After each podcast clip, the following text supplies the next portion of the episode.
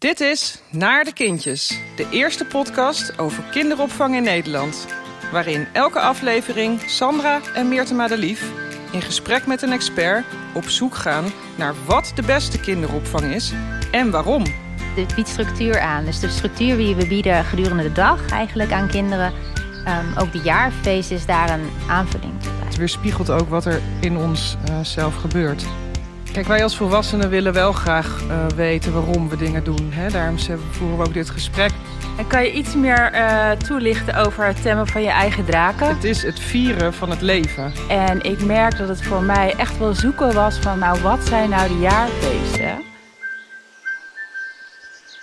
Welkom, we zitten weer bij een nieuwe podcast. Dit keer over de jaarfeesten. Deze podcast is ook iets anders uh, ingericht. Normaal zitten Meerte Madelief en ik samen met een expert aan tafel. Uh, dit keer hebben we als expert Anita van Rijnsoever uitgenodigd. Maar uh, ook Meerte Madelief gaat ons het een en ander vertellen over de jaarfeesten. Dus zal daarin um, een iets andere rol hebben in deze podcastserie. welkom Anita. Dankjewel. Um, kan jij iets over jezelf vertellen? En jezelf voorstellen? Ja hoor, nou ik ben dus Anita van Rijnsoever, uh, moeder van twee kinderen. Ik heb een dochtertje van net vijf jaar en een zoontje van één. En ik werk als pedagogisch medewerkster um, bij de Geheime Tuin, zoals je al zei. Ja, en jij hebt ontzettend veel kennis van de jaarfeesten. Nu werk ik uh, sinds een half jaar bij de Geheime Tuin. En ik merk dat het voor mij echt wel zoeken was van, nou, wat zijn nou de jaarfeesten? En wat uh, is nou uh, de oorsprong van de jaarfeesten? Ja, dat, dat snap ik. Als je nieuw bent, is het misschien helemaal um, heel veel informatie die tot je komt eigenlijk. Um, de jaarfeesten, zijn heel veel verschillende jaarfeesten. En uh, die komen een aantal van voor Christus, echt lang geleden. En in wat ik wel weet als datum in 1919, kwam, uh, toen de vrije school kwam, waren er in eerste instantie maar vier jaarfeesten die werden gevierd. En dat is langzaam uitgebreid. En sommige kinderdagverblijven en scholen die vieren er um, nog steeds maar vier. En sommige vieren er wel twaalf of dertien. Dus er zijn heel veel verschillende jaarfeesten. Um, sommige meer met een religieuze achtergrond en sommige meer traditie, zoals uh, Sint-Nicolaas. Ja. En net wat jij zegt, hè, er waren er vier. En het zijn er nu twaalf. Dat is ook een beetje ja. wat ik merk in de jaarfeesten. Um, het, is, het, het, het, het, lijkt alsof het ook vrij is in uh, wat doe je met de jaarfeesten? Wat zijn de jaarfeesten? Um, ik heb Meerte Madelieve ook wel eens horen zeggen dat het per land, per regio, per stad, per school uh, anders kan zijn. Dus ja, wat zijn jaarfeesten nou precies? Wat, wat doen ze en waarvoor uh, kennen we binnen de antroposofie de jaarfeesten?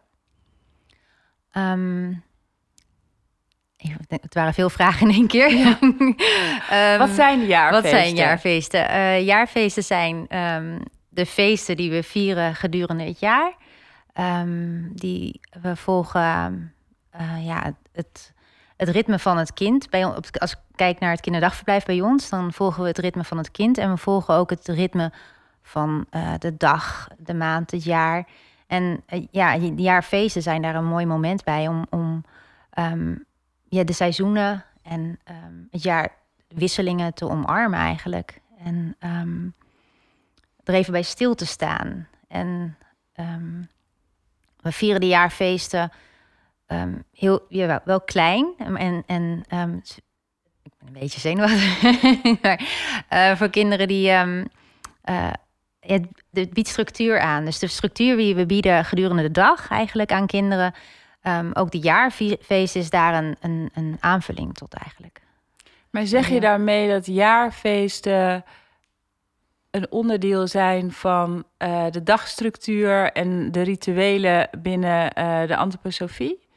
Want ik hoorde uh, in de vorige podcastserie uh, met Kirsten Toussaint van de Kleine Keuken mm -hmm. uh, haar ook zeggen over rituelen zijn heel erg belangrijk. Ja. ik hoor jou nu eigenlijk ook zeggen, we volgen het ritme van het kind, ja. het ritme van de natuur, de seizoenen. Zijn jaarfeesten rituelen binnen de antroposofie? Ja, ik denk wel dat je je eigen iedereen, de, zowel de vrije scholen als de kinderopvang, ehm, vieren hun feesten anders.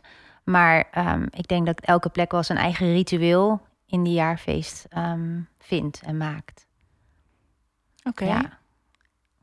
En we, ook als er een jaarfeest is, dan al um, voordat het jaarfeest plaatsvindt, dan groeien we daar naartoe. Dus met de kinderen ja, bereiden we het gezamenlijk voor. Dus we betrekken ze echt bij het feest dat gaat komen.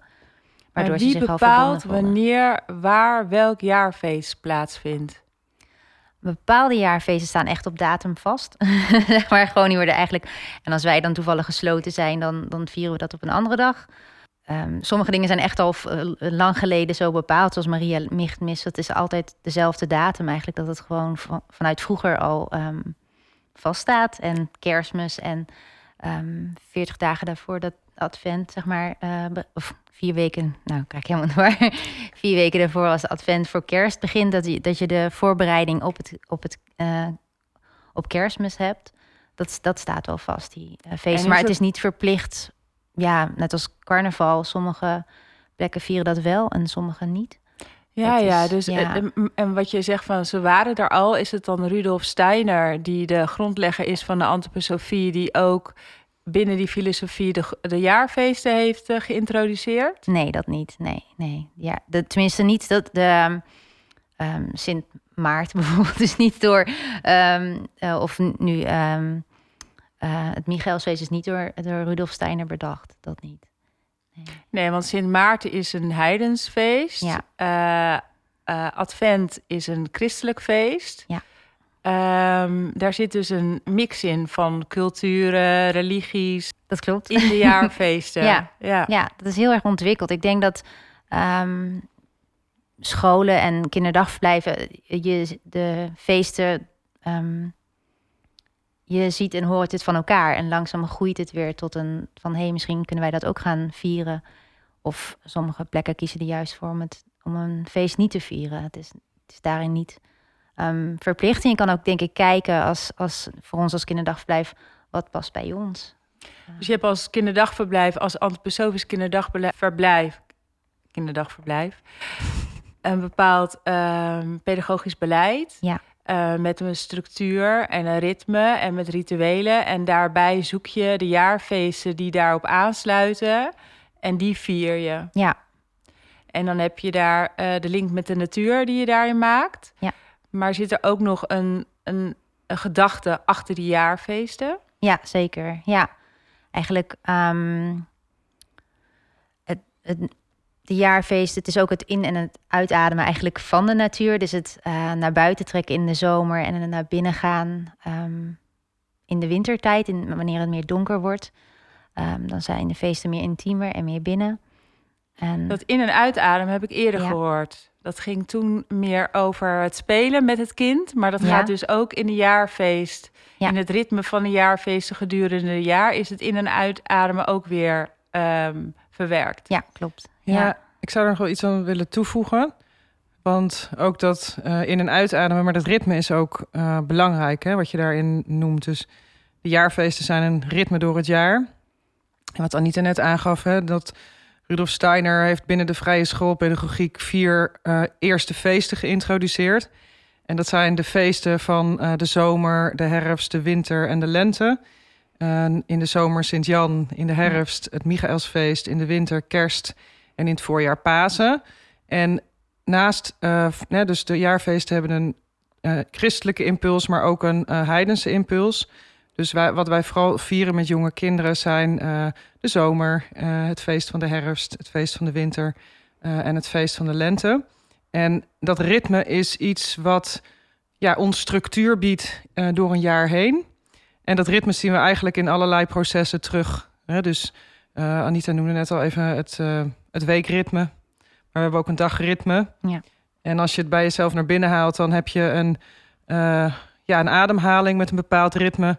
En uh, je hart klopt op een bepaald ritme. Uh, je bloed uh, stroomt met een bepaalde snelheid. Dus ritme en ja, rust en in- en uitademing en afwisseling kom je eigenlijk ja, in de jaarfeesten, dus in een hele grote cyclus kom je dat tegen. Maar het weerspiegelt ook wat er in ons zelf gebeurt. En ja, die in- en uitademing kom je tegen met het rust, rust nemen eh, op een dag.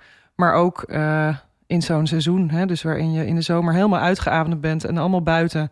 En de insecten vliegen hoog en de zon staat vol aan de hemel. En we zijn veel buiten en veel minder binnen. Uh, en in de winter is dat helemaal tegenovergesteld, omdat het donkerder is. We veel minder naar buiten gaan, we binnen zijn, de kaarsjes aandoen, een muts over ons hoofd trekken en met z'n allen voor de kachel gaan zitten. Dat is eigenlijk dan de grote inademing in die, in die jaarfeestencyclus. Ja. ja, zeker. En nou is er ook meerdere keren een link gelegd tussen uh, de jaarfeesten en de natuurbeleving. Hoe, uh, hoe zie je die terug? Nou, hoe ik het voor mezelf terugzie, maar kijk, ik zie Anita echt op de, vooral meer op de expert van hoe het praktisch. Dus misschien kan jij mij zo meteen aanvullen. Mm -hmm. um, voor mij is het jaarfeest te vieren, is, is, is het feest vieren met elkaar, het delen van de rituelen. Het is een feest van herkenning, net als wat Kirsten zei. Hè? Iedere dag zitten we met elkaar aan tafel. Dat is een feest. Kinderen weten wat gaat, gaat gebeuren. We gaan aan tafel. We zingen dezelfde liedjes. Het kaarsje gaat aan. Dat is fijn en prettig. Kinderen kunnen zich ontspannen. Maar in die jaarfeesten doen we eigenlijk hetzelfde. En het woord zegt het al. Uh, er is ook een mooi boek, vrij recent boek. Uh, en dat heet het hele jaar door feest. Het, het, het is het vieren van het leven eigenlijk. En leven is natuur. Ah. Dus het, je, het, het is ook een vonk. Het is een uh, zingeving voor volwassenen. Uh, een, een, een ja, inspiratie die je jezelf geeft. En door jouw eigen vreugde van die viering geef je die sfeer ook mee aan de kinderen. En ja, heel ja, uh, kort door de bocht, die jaarfeesten zijn de, de, de feesten die in het seizoen zich voordoen. Dus je viert een stukje van die natuur die op dat moment aanwezig is. En soms vier je, wat Anita net ook zegt, uh, nog een stukje vanuit de christelijke traditie. Maar dat klinkt ook, zoals jij het nu schetst, dat je door zo'n jaarfeest uh, even stilstaat en bewust bent van de tijd waarin je op dit moment je bevindt. Dus Ja. een zomer Ja. uh, en een winter. En um, ja, dat je niet maar doorgaat zonder je bewust te worden van waar je je bevindt in de, gedurende het jaar. Dus het ritme, zeg maar. Ja, en ik geloof ook dat je, ehm, ja, door niet alleen stil te staan op het moment van de viering, maar je ook van tevoren ermee te verbinden en ook daarna nog in de sfeer van zo'n feest te blijven met de kinderen, doordat je nog een jaartafel hebt en doordat eh, de kleuren die op dat moment eh, in het kinderdagverblijf zijn, dat die nog een tijdje er zijn, dat je met elkaar de sfeer van de herfst gedurende drie maanden viert. En dat is een, een andere stemming eh, dan de sfeer van de zomer of de, het prille groen van de lente. Hè? Dus ik probeer dat ook zo te zeggen, omdat het geeft, als ik dat benoem, een andere beleving bij mij van binnen. Dus het speelt ook in op je gevoelswereld. Ja, en ik noem jouw jaartafel eh, noemen. Ik eh, zie ze bij ons kinderdagverblijven ook regelmatig. Anita, ik weet dat jij ook eh, met heel veel aandacht elke keer hele mooie jaartafels maakt. Ehm, kan je daar iets over vertellen voor iedereen die denkt een jaartafel? wat is het? Wat, wat, wat heeft het voor, ehm, eh, voor, voor, voor zingeving om die jaartafels te maken? Um, de jaartafel is eigenlijk een, ja, ook een omarming van, van de seizoenen, van de ehm, veranderingen daarin. En je brengt het, een stukje van buiten naar binnen toe. Um, dus nu in de herfst is de jaartafel met ook heel veel kastanjes en bladeren en van alles wat de natuur ons geeft eigenlijk in de herfst. En daardoor stopt het, het stopt niet alleen met even buiten spelen, buiten in de herfst en binnen Ja. doen we ons ding. Je, je neemt het echt ook mee naar binnen toe. En hoe reageren kinderen daarop? Um, vooral op de verandering. To toevallig was één vandaag. vinden ze het echt heel erg, uh, ja, heel enthousiast. En um, zelf probeer ik het altijd wel heel een beetje sprookjesachtig te maken, een beetje prikkelend, zeg maar. Ja. En um, ja, ze, ze zijn er wel echt mee bezig. Ze nemen ook uh, dingen van thuis mee om er weer erbij te leggen. Dus je zoekt ook de interactie met de Ja, kinderen zeker. op omtrent die jaartafel. Ja, ja. En, ik is pak er zo'n ook jaartafel dan een, een, um, iets wat je doet waarmee je een nieuwe tijd inluidt en dat zich uiteindelijk brengt naar een volgend jaarfeest? Moet ik dat zo zien? Um, ja, de kleuren eigenlijk die uh, zijn eigenlijk zoals in de zomer, als we dan het geel hebben met het blauw van het water. En langzaam veranderen de doeken eigenlijk die op de achtergrond gebruiken. Die veranderen inderdaad naar het volgende jaarfeest toe, of het volgende seizoen. En ehm, ja, dus je, je voelt ehm, wat er gaat komen, inderdaad. eigenlijk op de Ga je daar dan ook over in gesprek met kinderen? Ehm, nee, het is niet dat, ik het, dat we het echt uitleggen aan de kinderen. Echt um, de achtergrond van een jaarfeest helemaal. We laten het gewoon beleven. En we, zingen, we lezen uh, wel verhaaltjes gewoon over um, het seizoen waar we in zitten. En we zingen liedjes passend bij nu de herfst. Dat wel. Maar het is niet dat we gaan uitleggen waarom we een jaarfeest vieren. Dat niet. Nee, dat is iets wat mij wel opvalt. Hè? We gaan het niet uitleggen. Dat hoor ik wel vaker. Ik ben iemand die uh, veel in mijn hoofd zit. Dus ik wil dan mhm. dingen begrijpen en uh, snappen. Dus ik maar ga heel veel... Uh... Aan jou leggen we het wel graag uit. ja, ik ga heel veel vragen stellen. En ja. ik hoor dan heel vaak terug van... ja, maar het gaat niet om het weten. Het gaat om het beleven en het ervaren. Ehm, dus wat, wat bedoel je daar nou echt mee? Dat, dat, dat je het allemaal moet ervaren. Wat, wat wil je dan dat de kinderen ervaren? Um, nou, eigenlijk um, in de pedagogiek in de, uh, in de antroposofie is dat tot zeven jaar is uh, zeggen van het, uh, de, de wereld is goed. Daarna wordt het de wereld is mooi. Na die zeven jaar. Maar de eerste zeven jaar, om te laten zien dat de wereld goed is, mogen ze het gewoon, mogen ze ervaren dat de wereld goed is. Mogen ze um, het beleven. Um, en ik denk ook door, die, door de rituelen en door het doen van kinderen om gewoon te spelen, om de liedjes te zingen, om um, de knutselwerkjes te maken, dan ze, ze doen het, ze beleven het, ervaren het en daarvan leren ze ook. En je probeert daarmee het kind te voeden met positieve ervaringen. Ja.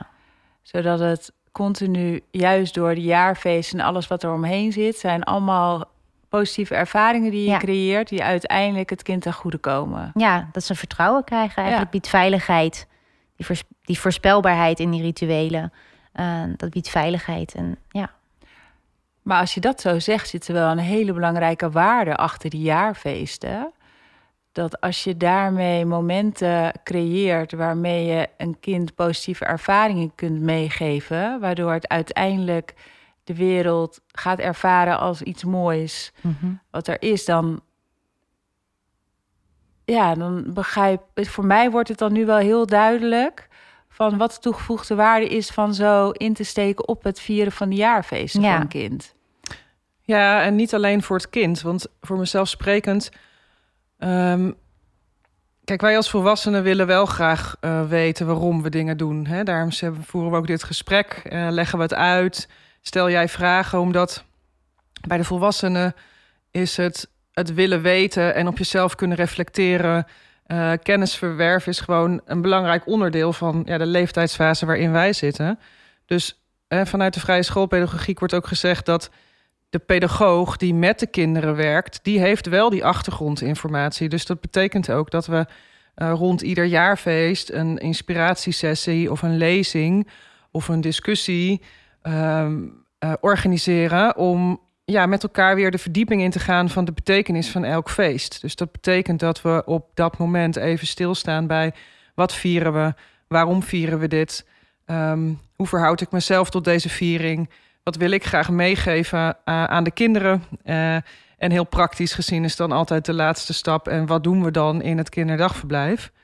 Um, dus het is ook voor mij, ik praat voor mezelf als volwassene heel fijn om in de drukte van de westerse maatschappij iedere keer weer even stil te staan en opnieuw die verbinding te maken met de tijd van het jaar waarin we leven, met het feest wat er aankomt, uh, maar ook met uh, ja, eigenlijk de missie waar we mee bezig zijn, namelijk die kinderen zo'n goede opvangplek te geven. Dus het vertraagt mij, mij als volwassene en het verbindt ook enorm. Zowel ja. de voorbereiding van zo'n feest verbindt uh, als zo'n viering dus, en het vraagt van ons iedere keer weer om uit ons denken te stappen en onszelf in de vertraging te brengen en in, eh, in, de, ja, in de viering met de kinderen. Dus het is, ja, je kan ook kun, kunnen zeggen, dezelfde functie als meditatie of, of yoga, waarin je gewoon letterlijk even in een andere hersengolf stapt, bewust. Ja. Ja, maar ik kan me ook voorstellen als je het kind een positieve ervaring wil meegeven, dat je dat alleen lukt door zelf ook in die ervaring te stappen.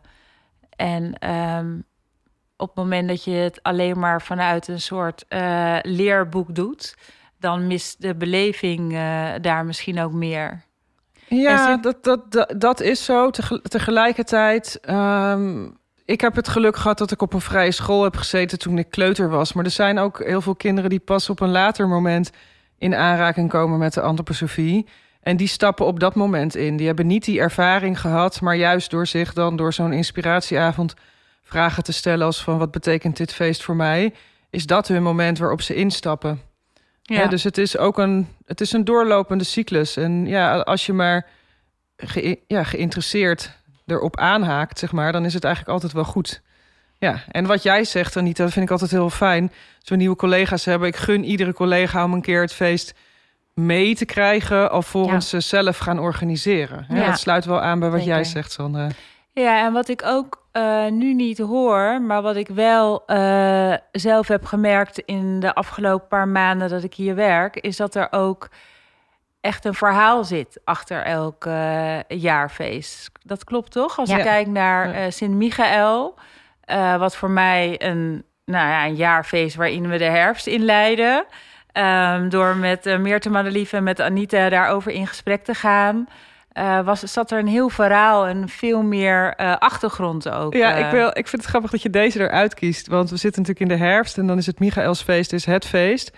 En ik werd teruggefloten door een collega, Sofia. Ik noem even je naam in de podcast. Uh, en die zei namelijk tegen mij van... het is niet Sint Michael, het is Sint Joris en de draak... en de aartsengel Michael. En toen dacht ik, pot voor drie heb ik dat na al die jaren, zeg ik dat nog steeds verkeerd. Dus ik ben natuurlijk gaan opzoeken. En toen heb ik eerst een tegengeluid gegeven van nee hoor, kijk maar, want op internet staat ook Sint Michael. Maar dat is dan weer zo'n bewustwordingsmoment van welke legendes en welke verhalen lopen hier nou eigenlijk door elkaar? En dat is dan precies weer zo'n moment waarin je elkaar dan ja, scherp houdt als volwassene. Om dan weer even een tandje op een, ja, tandje dieper of net anders te kijken. En uiteindelijk was mijn ja, conclusie voor mij dit jaar van oh ja, het is inderdaad uh, Sint Joris en de draak, dat is de legende, die eh, geholpen wordt door Michael, de aartsengel Michael, om de draak te temmen. Niet om de draak te verslaan, maar om om te kunnen gaan met je eigen draken.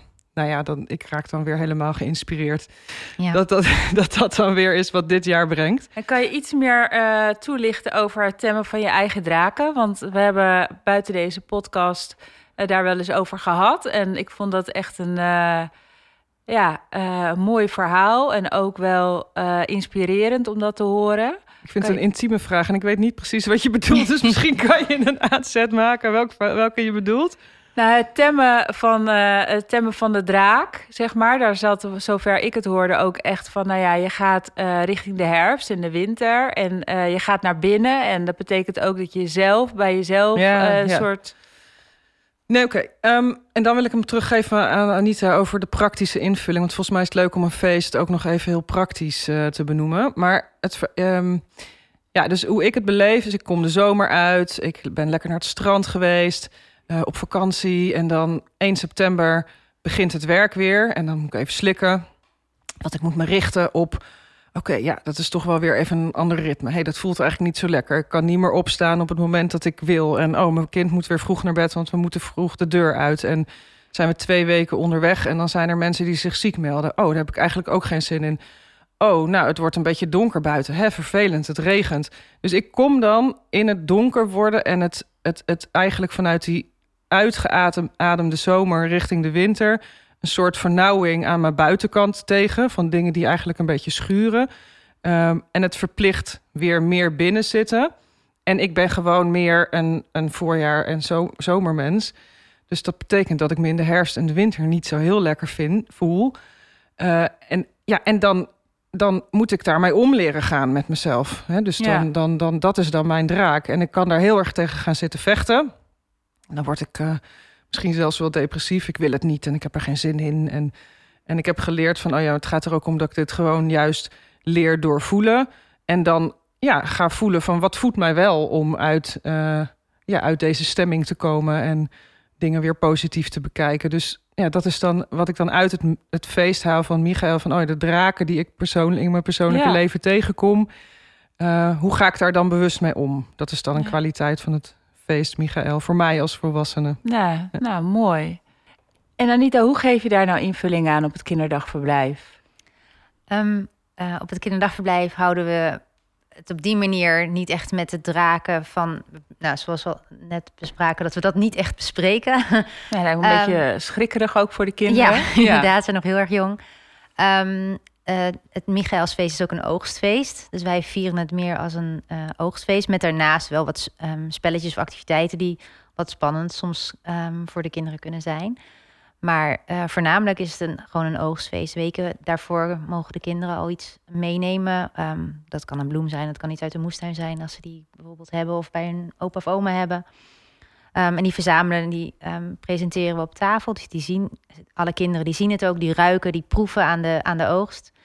En ehm, de oogst van het einde van, het, van de zomer. Ja, maar dat is ja. dus eh, eh, het laatste beetje wat je, wat je uit de moestuin, zeg maar, eh, krijgt. Dat vieren we eigenlijk ehm, daarmee. En we hebben op de groep ehm, appeltjes gedroogd. We hebben appelmoes gemaakt tijdens het feest zelf. Appeltjes schillen met zo'n echte appelschiller. Dat je zo rondjes draait en de kinderen mochten dat echt zelf doen. Iets daarvoor met de oogst hebben we ook een, zo'n molentje gehad dat ze, ehm, waar ze aan kunnen draaien. En dan zingen we liedjes mee over de molen. Ehm, ja, dus we, zingen, e- we, we vieren echt de oogst eigenlijk met de jonge Ja, kinderen. en daar zie je Ja. dan ook die hele sterke link met de natuur. Want Ja. het gaat eigenlijk alleen maar uit wat je uit de natuur haalt. Ja. En eh, ja, mooi. Ja, en ik zie dan, want jij noemt net al die spelletjes. Komt er een keer me op van het herfstfeest of Michaelfeest is ook het feest van de moed. Ja. Dus ik heb moed nodig om mijn eigen draken te verslaan. Daar is moed voor nodig. Ik moet moed verzamelen om dingen aan te gaan waar ik eigenlijk geen zin in heb. Als ik een bepaald eh, gesprek met iemand eh, al heel lang uitstel, omdat ik er eigenlijk geen zin in heb, dan is er moed voor nodig om dat wel aan te gaan. Dus het is ook iedere keer moed in jezelf eh, ja, verzamelen. En dat is ook die kwaliteit proberen we ook bij de kinderen aan te spreken door moedspelletjes te doen. Dus dat kan zijn dat we jonge kinderen net over een te grote plas eh, laten springen. Hè? Oh dus ja, dat ze, dat ja. ze ja, we ze eh, stimuleren van ja, maar jij kan dat. En, eh, of over een evenwichtsbalk laten lopen. En het is ook de, het, ja, de kwaliteit van de herfst is ook veel storm en wind. Ja. Dus dat kan je terugzien in onderlinge relaties en gedoe. Meestal is er in september veel gedoe tussen mensen. Ik heb het weer over grote mensen. En onderling merk je dan ook hè, op maandagochtend... de kinderen zijn super onrustig. Dan gaan we naar buiten en laten we ze lekker rennen... en gooien met sliertjes van kreppapier. En hè, dus op zo- op zo'n manier probeer je ook ja, zo'n kwaliteit... of ja, misschien zelfs zo'n onruststoker van de herfst... Ja, weer in je groep te brengen... en daar omheen activiteiten met de kinderen te doen. Maar dat klinkt echt heel erg als jaarfeesten die dus een, eh, een ritme vertegenwoordigen gedurende het jaar. Gerelateerd aan de natuur. eh, waar zowel groot als klein eh, op zijn of haar manier aansluiting kan vinden. En ehm, ook een stukje naar zichzelf kan kijken. Waarbij het ook de ervaring en de beleving is die dat met zich meebrengt. Ik kan me voorstellen dat, als me- dat mensen hier ook wel meer over willen weten. Zijn er ehm, punten waar je. Zijn er boeken die heel erg over de jaarfeesten en de inhoud. Het is zoveel en zo Mhm. omvattend eigenlijk. Ehm, ja, ik, deze uitgeverij, eh, mag ik dat benoemen? Ik denk het wel. Oh ja, uitgeverij Christopher, die heeft eh, dat sowieso heel veel antroposofische boeken eigenlijk. Eh, waarin je wel ehm, zeker een aantal boeken dat er zijn, die heten gewoon jaarfeesten of het hele jaarfeesten. Of ehm, iets met het woord jaar erin. Zeg maar, heb je meerdere boeken eh, die er zijn. Ja, zeker. Ja, en eh, er worden ook veel lezingen en ouderbijeenkomsten en inspiratieavonden vanuit vrije scholen vaak georganiseerd. Dus ik weet uit ervaring, als je dan ouder bent van een kind op een vrije school, dan kan je opeens kiezen uit allerlei eh, bijeenkomsten. Ehm, Hoort Maar- het echt bij kind zijn? Op het moment dat je klaar bent met school, houdt het dan nou, op? dat is niet zo, maar het is wel zo dat voor veel mensen die eh, door hun kinderen ermee in aanraking komen. Hè, dus ik zei net al, ik heb het geluk gehad dat ik het als kind beleefd heb, maar ik merk nu wel dat ik door mijn eigen dochter en natuurlijk ook door het werk in de kinderopvang me er steeds opnieuw mee, mee verbind. Dat is ook weer net als uh, sporten, hardlopen of een hobby. Je moet er wel tijd voor maken. Hè? En als je dat doet, dan kan je daar tot je dood, kan je daar volgens mij ja, mee bezig zijn. Dus het is niet per se iets wat bij het kind hoort, maar ja, wel bij het ritme van je leven. Ja, kan dat overal een plek in geven. Wat denk ik ook wel een cadeautje is dat in sommige jaarfeesten vieren we alleen met de kinderen en sommige jaarfeesten vieren we met de ouders. Dus en dan, dan mogen ja, met de ouders beleven. en de kinderen. Ja, met de ouders en de kinderen.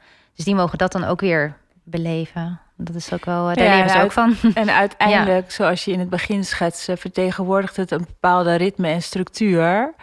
Uh, en wil je daarmee het kind iets laten ervaren. Dus en naarmate je ouder bent, heb je die ervaring opgebouwd. En dan uh, is dat waar je uit put waarschijnlijk. Ja. Dus, uh, ja. Ik, nou, ik moet zeggen dat ik behoorlijk uh, veel te weten ben gekomen over de jaarfeesten. Anita, heb jij nog iets wat je graag wil toevoegen aan deze podcast over de jaarfeesten? Um, ja, ik denk nog één, keer, één dingetje wat niet echt besproken is, wat het, het kind misschien ook geeft. En de jaarfeesten ook, is dat het Ehm, dat ze op een gegeven moment een, kind niet, die heeft niet bewust van, oh, het is nu januari, februari, in de maanden, dat, dat, zegt hun niks. Maar wel, um, ze herinneren zich wel de feesten. Dus op een gegeven moment weten ze misschien van, oh, ik ben met, um, als het Sint Maarten wordt, dan, dan ben ik jarig. Of het geeft ook, en oh, na Sint Maarten dan. Uh, dan, dan komt uh, Sint-Nicolaas en dan die zo lief, die geeft cadeautjes, zeg maar. Op die manier uh, gaan ze ook besef krijgen van het jaar. En, zijn eh, pijlpunten voor ja, de kinderen. En dat is soms is een, heel jaar is voor een kind erg lang. En als je um, mensen met zelf kinderen, die weten misschien ook wel dat een verjaardag al heel lang van tevoren begint. Dat ze gaan vragen wanneer ben ik nou jarig. En um, dit, dit geeft. dan is het niet van oh, het vol, uh, de volgende feest is alleen maar paas, uh, Pasen of alleen tot kerst. Omdat er meerdere feesten zijn, kunnen ze elke keer tot daar um, toe leven. En dat heeft wel vraagt wel iets van geduld, maar niet zo lang. Het maakt het ook behapbaarder voor jonge kinderen. Ja, en dat is het voordeel van meerdere jaarfeesten. Want het lijkt misschien heel erg veel, maar daardoor is het voor hun is die, uh, is het meer in balans, denk ik. Ja. Dat het, ja. ja. Dankjewel. Meerte, wil jij nog iets toevoegen ter afsluiting van deze podcast? Nee, volgens mij heb ik alles wel gezegd wat ik wilde zeggen. Ik ben benieuwd of jij nog vragen hebt. Nou, nee, voor nu niet. Ik merk wel dat het me uh, een soort van duizelt hoe omvattend het is en hoeveel diversiteit erin zit. En de eigen in, uh, ook heel veel overlaat aan de eigen invulling. Dus ik denk dat het uh, goed voor mijzelf is als uh, medewerker binnen de antroposofische kinderopvang om inderdaad een keer een boek erover te lezen. Ja, en los van het boek, want je zegt, ik ben pas vanaf maart. Je hebt het jaar nog niet rondgemaakt. Dus volgens mij mag je gewoon lekker een jaar lang al die feesten beleven. En beleven was het, hè? Ja. ja. En gewoon lekker aankomend feest uh, met Sint Maarten. Uh, lekker pompoenen uithollen, soep koken. En uh, de geur van verbrande pompoenen opsnuiven. Ga ik doen. Goed. Dankjewel Anita, Dankjewel, voor je aanwezigheid ja. hier. Dankjewel, ook jullie. Vond je dit een leuke podcast? Abonneer je dan. Heb je opmerkingen? Zet ze in de recensies. Heb je een vraag? Stuur dan een e-mail naar podcast.kinderopvang-in het midden degeheimetuin.nl Graag tot de volgende keer.